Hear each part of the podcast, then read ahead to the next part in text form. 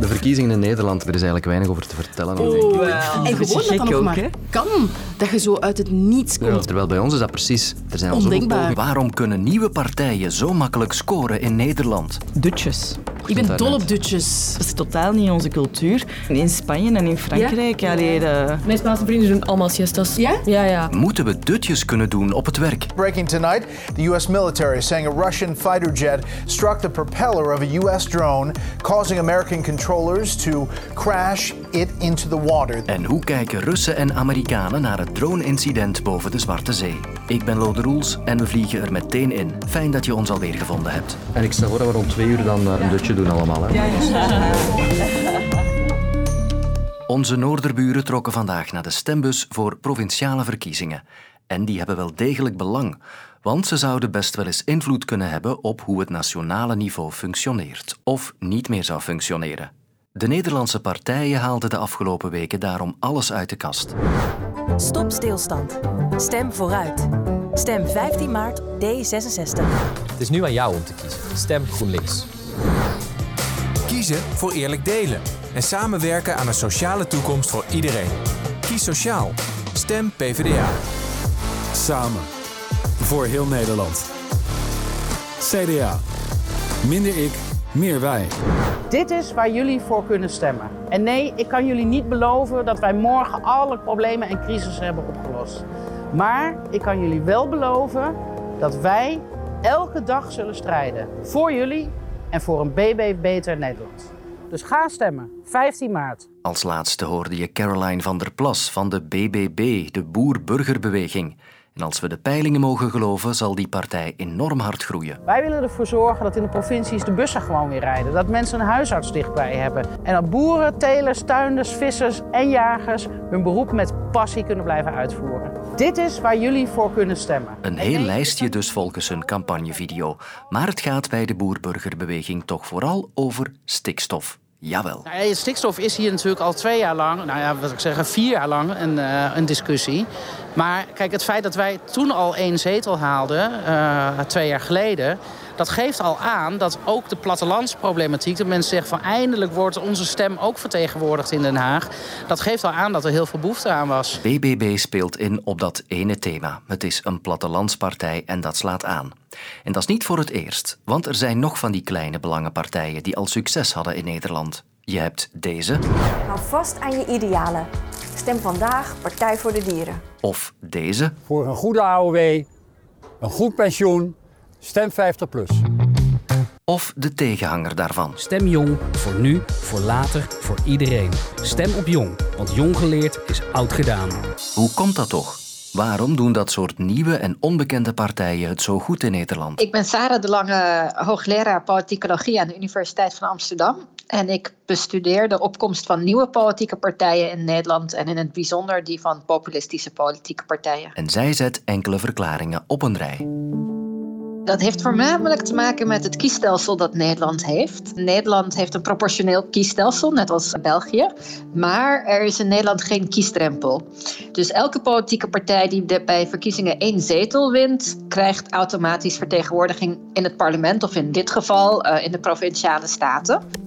We zien dat in Nederland er eigenlijk al wantrouwen tegen de politiek en onvrede met de zittende partijen is sinds de opkomst van Pim Fortuyn in 2002.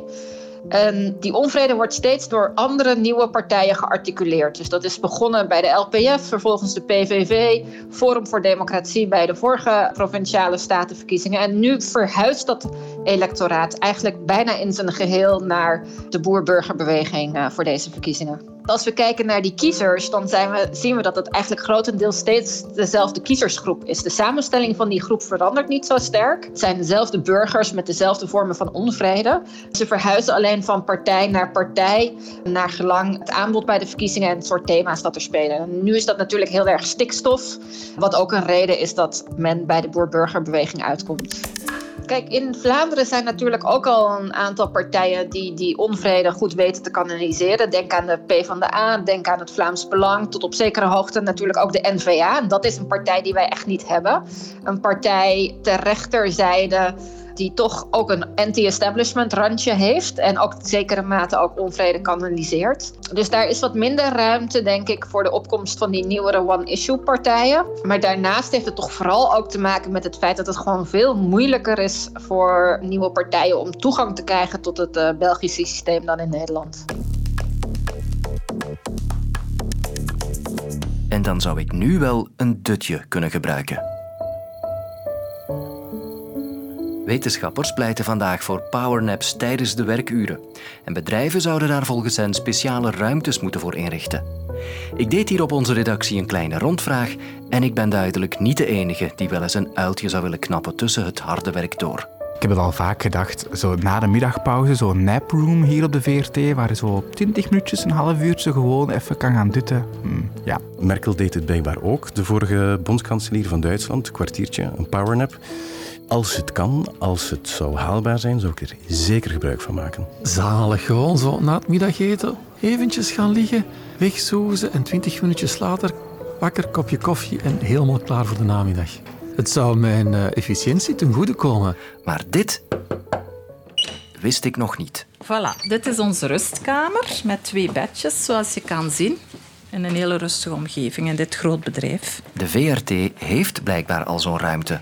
Met gordijnen tussen. We kunnen dat hier afsluiten. Er is een toilet voor de mensen, een lavabo. Dus de deur van de rustkamer blijft altijd open. En bedrijfsverpleegkundige Karin Maas liet mij vanmiddag even dat heiligdom zien. Ik ben daar een absolute voorstander van. Ja, ja. ja want tijdens...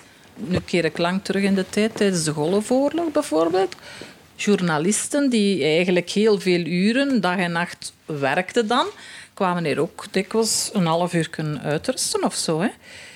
En ook in de coronacrisis, degenen die hier nog moesten werken, hè, die kwamen dan dikwijls ook, uh, mag ik even een half uur. Je zit hier in dit groot bedrijf, maar toch heb je hier een rustige omgeving. Oké, van het nut van zo'n powernap hoeft niemand me dus nog te overtuigen. Maar hoe pak ik dat het beste aan? is er een checklist voor het ideale dutje. Ik kreeg een lijstje met tips van Anne Mariman van het UZ Gent. Ik ben dus um, somnoloog, slaapspecialist eigenlijk. Hè. Hier gaan we. Het ideale dutje is niet te lang. We spreken eigenlijk van een powernap, die we natuurlijk individueel moeten bepalen. Maar het liefste 20 minuutjes, 25 minuten, zeker niet langer dan 30 minuten. Anders kom je in een diepe slaap en ga je na je dutje wat wij noemen een slaapinertie hebben. En ga je zombie voelen en ga je niet een uitgerust gevoel hebben, wat dat je eigenlijk wel wilt. Ik denk niet dat het noodzakelijk is dat je een echte rustkamer gaat installeren. Als je je kunt afzonderen, op je gemak kunt zitten in je eigen bureau en daar een korte powernap doen, is dat voldoende. Mensen kunnen dat ook in een, in een wagen doen. Hè. Uh, soms adviseer ik mensen als ze met verschillende mensen op een bureau zitten, van ga even kort in je wagen zitten als je met de wagen naar je werk komt en doe daar een korte powernap en dat gaat je energieniveau al een stuk verbeteren. Koffie is beter van dat ervoor te doen, omdat je dan eigenlijk je cafeïne zal pas beginnen werken nadat je powernap gedaan is. Dus je koffie drinken, dan je dutje doen en dan weer starten met werken, gaat je alertheid wel verhogen. Dat doen ze in de sport ook. Hè. Ze gebruiken dus cafeïne om daarna een dutje te doen en daarna beter te presteren helpt u beter presteren. En voor mensen die s'avonds last hebben van verhoogde stress en insomnie, dus in- en doorslaapklachten, is het ook goed om overdag soms een keer een beetje rust in te bouwen. Om uw stress s'avonds ook niet te hoog te laten stijgen, om het inslapen te bemoeilijken dan. Als dat natuurlijk gezien wordt door de omgeving van dat zijn de luie mensen, dan denk ik is dat geen goed idee natuurlijk. Hè. Maar moest dat ingeburgerd raken, zoals in de Zuiderse landen, en dit wordt een gewoonte, dan is het wel een goed idee, denk ik. Oh, ziezo, ik ben weer helemaal fris en monter voor het volgende onderwerp van dit kwartier. Rusland en de VS maken ruzie over iets wat er gisterochtend is gebeurd hoog boven de Zwarte Zee. Wat we weten is dat een Amerikaanse verkenningsdrone daar in zee is gestort, niet ver van de Krim. Maar over wat eraan vooraf ging verschillen de meningen. Volgens de Amerikanen raakte een Russisch gevechtsvliegtuig een schroef van de drone naar roekeloos en onprofessioneel gedrag van de piloten. I think um, based on the actions of the Russian pilots, it's clear that it was unsafe, unprofessional, and I think the actions speak for themselves. Rusland zegt dan weer dat het de Amerikaanse drone nooit geraakt heeft en spreekt van provocatie. Het lijkt er niet op dat beide landen de zaak op de spits willen drijven, maar ze hebben wel elk hun eigen verhaal over het incident vanuit een eigen strategie. Een dubbel gesprek daarover met twee collega's. Een Amerika-kenner. Ik ben Tom van de Wegen. En een Rusland-expert. Ik ben Marijn Trio. Tom, ik begin bij jou voor het Amerikaanse perspectief. Wat deed die drone daar op die plek? Wel, het is het type drone dat vooral wordt ingezet als verkenningstoestel. Um, de Amerikanen zeggen dat ze ook al voor de oorlog ja, intensief boven de Zwarte Zee vlogen. Dat dat altijd in internationaal luchtruim uh, gebeurt ook, ook nu. Maar natuurlijk is sinds het begin van de oorlog in Oekraïne ja, die Amerikaanse activiteit uh, daar toegenomen. Hè, zeker met die strategische rol die de Zwarte Zee speelt uh, in de oorlog. Hè, voor de Russische militaire aanvoer. En de inlichtingen die de Amerikanen met drones zoals dit verzamelen, spelen, spelen ze natuurlijk door naar de Oekraïners zelf, uh, zo wordt toch aangenomen. En die inlichtingen zijn ja, zeer belangrijk, omdat ze meestal ook betrouwbaar uh, zijn. Ja. Marijn, ik wil de vraag ook aan jou stellen. Wat deed dat Russisch gevechtsvliegtuig daar op die specifieke plek? Well, die waren uitgerukt uh, van op de Krim, vermoedelijk, om die drone te identificeren, te onderscheppen, omdat ja, Rusland voor een stuk toch claim legt op de Zwarte Zee. Rusland heeft een lange kustlijn langs de Zwarte Zee. Zeker sinds de annexatie van de Krim, sinds 2014, ja, beschouwt Rusland de Zwarte Zee toch voor een stuk als uh, Russisch. Hoewel natuurlijk de Zwarte Zee zelf tot de internationale wateren gerekend wordt. Uh, maar voor Rusland zijn dat soort vluchten van die Amerikaanse drones of andere NAVO-schepen of, of, of, vliegtuigen toch een doorn in het oog. Zoals Tom al zei, die drone heeft gesofisticeerde camera's, sensoren om milita militaire activiteit te monitoren op de Krim. En die informatie komt in real time bij de Oekraïners terecht, die ze kunnen gebruiken om zich te verdedigen tegen het Russische leger. Er is dus dat incident geweest tussen dat Russische gevechtsvliegtuig en die Amerikaanse drone. Je zag meteen dat die twee landen verschillend reageerden. Hè? Tom, ik uh, kom terug naar jou. Hoe was de reactie? Welk verhaal werd er verteld in de VS? Wel, ik heb het gevoel dat ze het in de VS niet te veel uit proportie willen, willen opblazen. Ze laten het in het midden of het nu echt om een accident, een ongeluk ging of om met opzet gebeurd is. Hè. Ik zie vooral bezorgdheid dat een, een, een, incident als dit kan escaleren tot een ja, directe confrontatie tussen de VS en Rusland. En dat is nu net wat de Amerikanen al van bij het begin van deze oorlog uh, angstvallig proberen te vermijden natuurlijk. Hè. Die directe uh, confrontatie. Hè. Ja, Marijn, wat hoor jij vanuit Rusland? Welk verhaal wordt daar gebracht? Ze ontkennen dus dat ze, dat ze uh, die drone hebben geraakt, waardoor die is neergestort. En de Russische ambassadeur in de VS heeft het over een provocatie, want dat Amerikaanse vliegtuig kwam te dicht bij de Russische grens, of de grens van of Krim dan toch. Mm. Uh, dus ze bijten nu wel van zich af, maar ik denk ook dat Rusland zeker niet uit is op een uh, directe confrontatie met de VS. Hoe dan ook gaat dit incident naar de kern van die, van die zoal gespannen relaties hè, tussen de Verenigde Staten en Rusland. Tom, vanuit het Amerikaanse perspectief, welke gevoeligheden spelen allemaal mee in dat verhaal daar?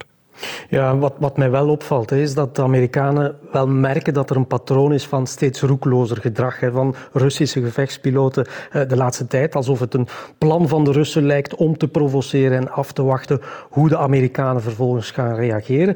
Ja, natuurlijk, voor de Amerikanen is het cruciaal dat de Oekraïners die oorlog gaan winnen. Daarom dat ze ook alles proberen om die Oekraïners te helpen. Maar ja, Amerika probeert zeker niet openlijk uh, in deze oorlog meegesleurd te worden. Hè. Welke dingen raakt dat bij de Russen? Welke gevoeligheden spelen daar, Marijn? Je ziet uh, inderdaad die strategie van de Russen om uh, Amerikaanse toestellen, NAVO-toestellen, ook boven de Baltische Staten bijvoorbeeld, te intimideren. Uh, ze willen vermijden dat die Amerikaanse toestellen kunnen bijdragen aan de Oekraïnse strategie. Maar natuurlijk een directe confrontatie met de VS en met de NAVO wil Rusland zeker niet. Hè. Zijn, in zijn retoriek is Rusland wel in oorlog tegen het collectieve Westen, tegen de hele NAVO uh, die verenigd is in, in, in Oekraïne, zoals ze daar zeggen. Maar in de praktijk is, is, is Rusland er alles behalve op uit. Want uh, zo'n oorlog zou een wereldoorlog zijn en kan Rusland helemaal niet winnen. Met die geruststellende woorden en met tips voor het ideale dutje dus check ik uit voor vandaag. Morgen drie nieuwe verhalen. Tot dan. Luister ook naar Win-Win, de podcast waarin Sven Pichal en Kathleen Kraanhals tips geven om slimmer met je geld om te gaan. Nu in de app van VRT Max.